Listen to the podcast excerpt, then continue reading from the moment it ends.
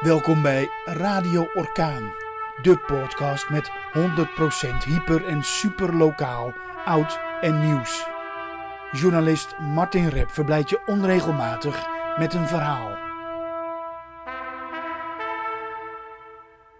De dreigende ondergang van sigarenmagazijn Rep. Moet de prijs van een pakje sigaretten nu of pas over een aantal jaren naar 10 euro? In de anti-rooklobby barstte er een ruzie over los.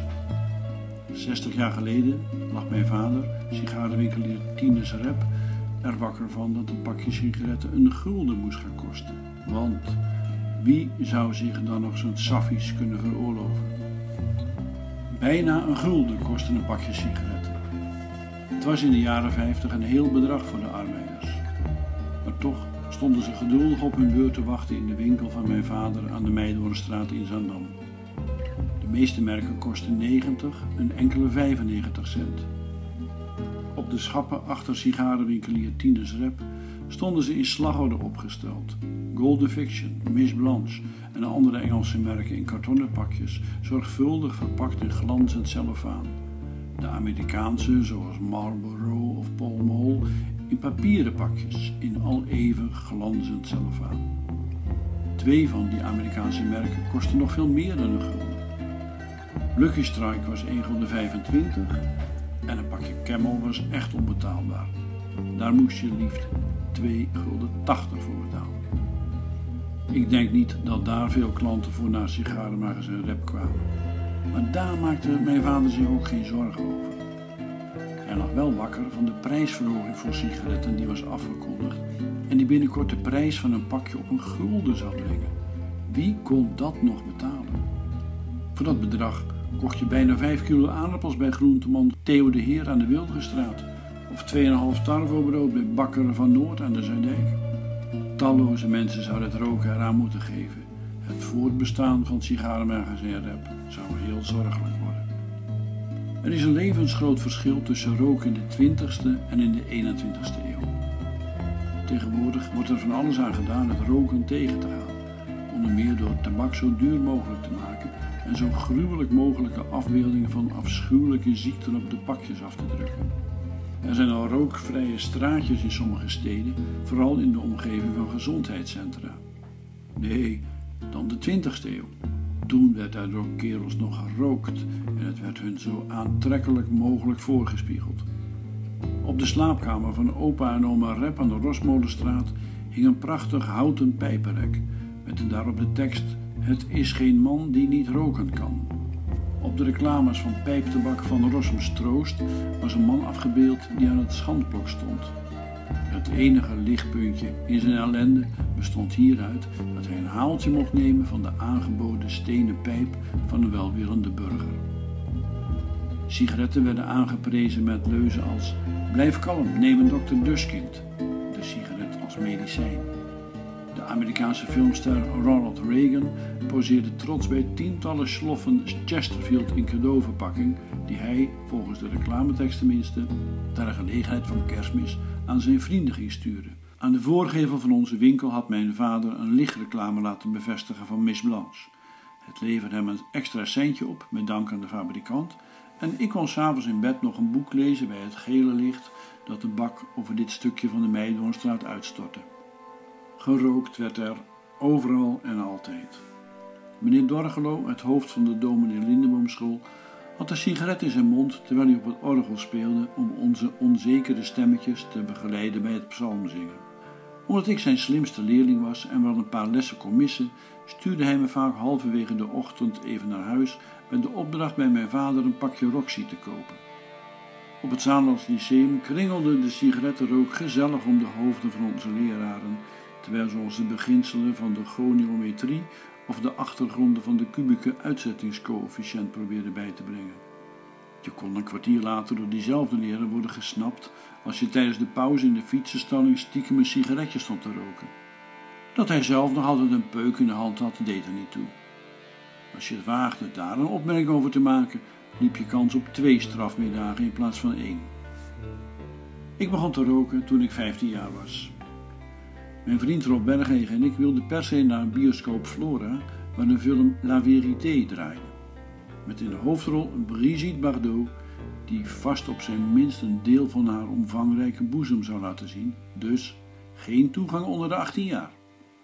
Met een sigaret in de mond, zo wist iedereen, zag je er een stuk ouder en stoerder uit.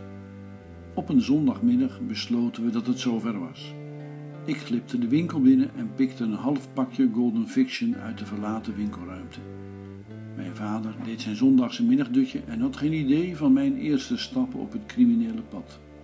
Hij was bezig een plan uit te broeden om de ondergang van zijn winkels als gevolg van de prijsverhoging te voorkomen. Bij al zijn leveranciers plaatste hij zo groot mogelijke bestellingen. Na een tijdje puilde onze zolder uit van de dozen, vol met sloffen van alle mogelijke merken. Per 1 januari zou de fatale prijsverhoging ingaan. Als hij een grote voorraad had, kon hij die op zijn minst een tijd zo slim af zijn. Sigaren en sigaretten werden in de winkel niet opnieuw geprijsd als de prijs omhoog ging. In de fabriek werden de kant-en-klare pakjes voorzien van een door de Belastingdienst verstrekte banderol. Daarop stond de prijs vermeld. De winkelier mocht daar niet van afwijken. Dus voorraden die je voor 1 januari had aangeschaft met een banderolprijs van 90 cent, moest je ook daarna voor die prijs verkopen. Het kostte Tinus Rep heel veel tijd en moeite, maar uiteindelijk was hij klaar voor de zware tijden. Hij had een stapel stelsels klaar liggen om de complete wijk de Uithoek en omstreken duidelijk te maken dat de prijsverhoging voor rookwerk, wat sigarenmagazijn Rep betrof, nog lang niet aan de orde was. En het werkte. Terwijl de concurrentie, zoals Gerrit Blauw aan de Keplerstraat en Dick Kuiper aan de Zuidijk, al na een weekje door hun oude goedkope voorraad heen was, had mijn vader nog volop sigaretten voor 90 of 95 cent.